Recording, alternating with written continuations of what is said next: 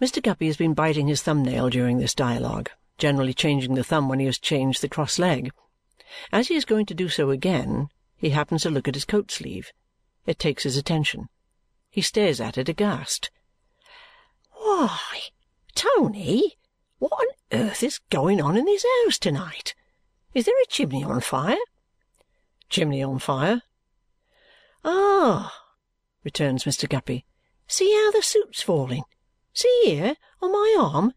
See again on the table here. Confound the stuff, it won't blow off.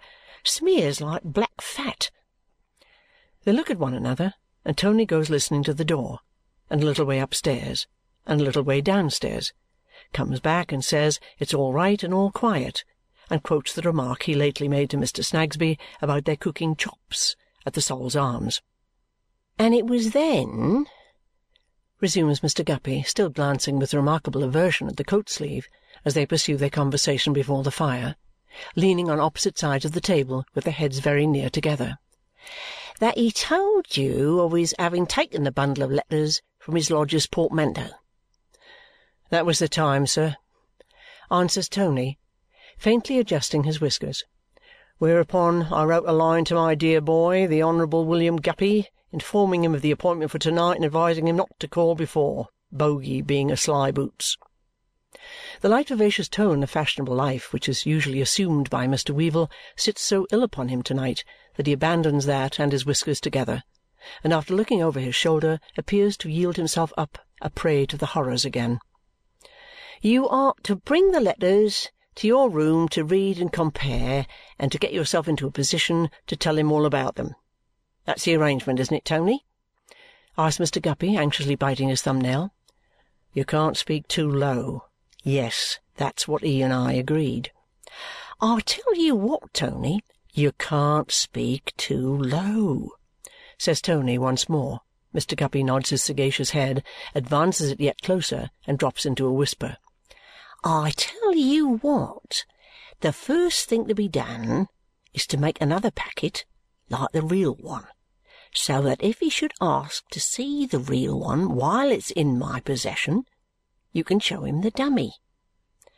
And suppose he detects the dummy as soon as he sees it, which with his biting screw of an eye is about five hundred times more likely than not, suggests Tony. Then we'll face it out. They don't belong to him. And they never did. You found that, and you placed them in my hands. A legal friend of yours for security. If he forces us to it, they'll be producible, won't they?" "Yes," is Mr. Weevle's reluctant admission. "Why, Tony," remonstrates his friend, "how you look! You don't doubt William Guppy? You don't suspect any harm? "I don't suspect anything more than I know, William," returns the other gravely. "And what do you know?" urges Mr. Guppy, raising his voice a little, but on his friend's once more warning him, "I tell you you can't speak too low," he repeats his question without any sound at all forming with his lips, only the words, "What do you know?" I know three things. First, I know that here we are whispering in secrecy, a pair of conspirators." "Well," says Mr. Guppy, "and we had better be that than a pair of noodles, which we should be if we were doing anything else, for it's the only way of doing what we want to do. Secondly," "Secondly, it's not made out to me how it's likely to be profitable after all. Mr. Guppy casts up his eyes at the portrait of Lady Dedlock over the mantel-shelf and replies, "Tony, you are asked to leave that to the honour of your friend. Besides, it's being calculated to serve that friend in those chords of the human mind which which need not be called into agonizing vibration on the present occasion. Your friend is no fool. What's that? It's eleven o'clock striking by the bell of St. Paul's. Listen, and you'll hear all the bells in the city jangling. Both sit silent, listening to the metal voices, near and distant, resounding from towers of various heights, in tones more various than their situations. When these at length cease, all seems more mysterious and quiet than before. One disagreeable result of whispering is that it seems to evoke an atmosphere of silence, haunted by the ghosts of sound, strange cracks and tickings, the rustling of garments that have no substance in them, and the tread of dreadful feet that would leave no mark on the sea sand or the winter snow. So sensitive the two friends happen to be that the air is full of these phantoms, and the two look over their shoulders by one consent to see that the door is shut. "Yes, Tony?" says Mr. Guppy, drawing nearer to the fire and biting his unsteady thumb-nail. "You were going to say, thirdly?" It's far from a pleasant thing to be plotting about a dead man in the room where he died, especially when you happen to live in it. But we are plotting nothing against him, Tony. "May we not. Still, I don't like it. Live here by yourself and see how you like it. As to dead men, Tony, proceeds Mr. Guppy, evading this proposal, there have been dead men in most rooms. I know there have, but in most rooms you let 'em alone, and and they let you alone, Tony answers.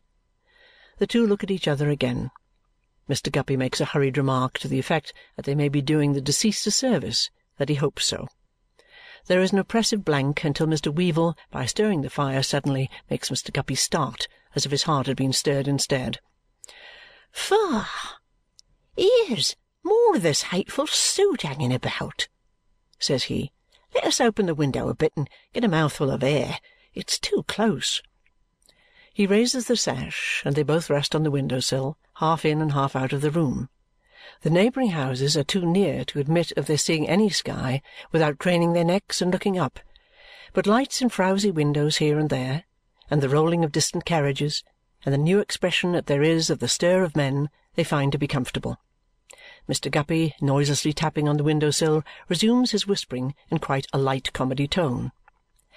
"By the by, Tony, don't forget old Smallweed," meaning the younger of that name. "I've not let him into this, you know. That grandfather of his is too keen by half. It runs in the family." "I remember," says Tony. "I'm up to all that."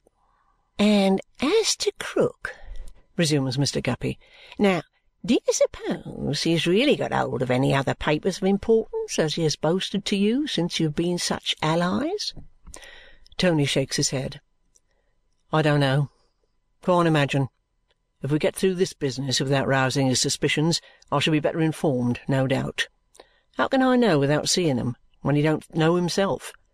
He's always spelling out words from them, and chalking them over the table and the shop wall, and asking what this is and what that is, but his whole stock from beginning to end may easily be the waste paper he bought it as, for anything I can say. It's a monomania with him to think he is possessed of documents. He's been going to learn to read them this last quarter of a century, I should judge, from what he tells me. How did he first come by that idea, though? That's the question, Mr. Guppy suggests with one eye shut, after a little forensic meditation. He may have found papers in something he bought, where papers were not supposed to be, and may have got it into his shrewd head from the manner and place of their concealment that they are worth something. Or he may have been taken in, in some pretended bargain. Or he may have been muddled altogether by long staring at whatever he has got, and by drink, and by hanging about the Lord Chancellor's court and hearing of documents for ever, returns Mr. Weevle.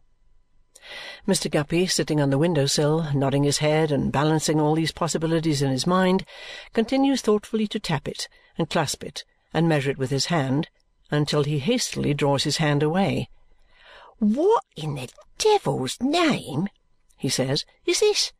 Look at my fingers!" A thick yellow liquor defiles them, which is offensive to the touch and sight and more offensive to the smell a stagnant, sickening oil with some natural repulsion in it that makes them both shudder. "What have you been doing here?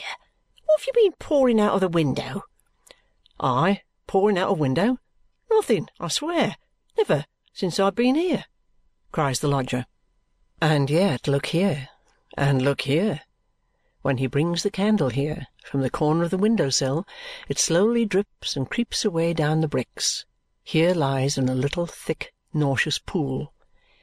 "This is a horrible house," says Mr. Guppy, shutting down the window. "Give me some water, or I shall cut my hands off." He so washes and rubs and scrubs and smells and washes that he has not long restored himself with a glass of brandy and stood silently before the fire when Saint Paul's bell strikes twelve and all those other bells strike twelve from their towers of various heights in the dark air and in their many tones. When all is quiet again, the lodger says, "It's the appointed time at last. Shall I go?"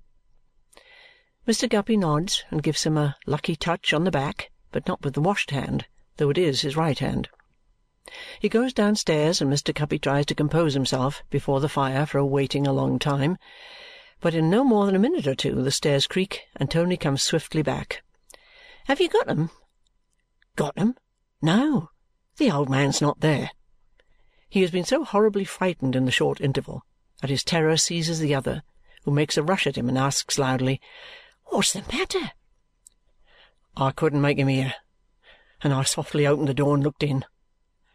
And the burning smell is there, and the soot is there, and the oil is there, and he is not there." Tony ends this with a groan. Mr. Guppy takes the light. They go down, more dead than alive, and holding one another, push open the door of the back shop. The cat has retreated close to it and stands snarling, not at them, at something on the ground before the fire. There is a very little fire left in the grate, but there is a smouldering, suffocating vapour in the room and a dark, greasy coating on the walls and ceiling. The chairs and table, and the bottle so rarely absent from the table, all stand as usual. On one chair back hang the old man's hairy cap and coat. "Look!" whispers the lodger, pointing his friend's attention to these objects with a trembling finger. "I told you so. When I saw him last, he took his cap off, took out the little bundle of old letters, hung his cap on the back of the chair. His coat was there already, for he had pulled that off before he went to put the shutters up, and I left him turning the letters over in his hand, standing just where that crumbled black thing is upon the floor. Is he hanging somewhere? They look up. No. See, whispers Tony, at the foot of the same chair there lies a dirty bit of thin red cord that they tie up pens with. That went round the letters. He undid it slowly, leering and laughing at me before he began to turn them over, and threw it there. I saw it fall. "What's the matter with the cat?" says Mr. Guppy. "Look at her!" Mad, I think, and no wonder in this evil place. They advance slowly, looking at all these things. The cat remains where they found her, still snarling at the something on the ground before the fire and between the two chairs. What is it? Hold up the light. Here is a small burnt patch of flooring. Here is the tinder from a little bundle of burnt paper, but not so light as usual, seeming to be steeped in something. And here is is it the cinder of a small charred and broken log of wood sprinkled with white ashes, or is it coal? Oh, horror! He is here. And this from which we run away, striking out the light and overturning one another into the street, is all that represents him. Help, help, help! Come into this house for heaven's sake! Plenty will come in, but none can help. The Lord Chancellor of that court, true to his title in his last act, has died the death of all Lord Chancellors in all courts and of all authorities, in all places, under all names soever, where false pretences are made and where injustice is done. Call the death by any name your Highness will, attribute it to whom you will, or say it might have been prevented how you will, it is the same death eternally, inborn, inbred, engendered in the corrupted humours of the vicious body itself, and that only spontaneous combustion and none other of all the deaths that can be died.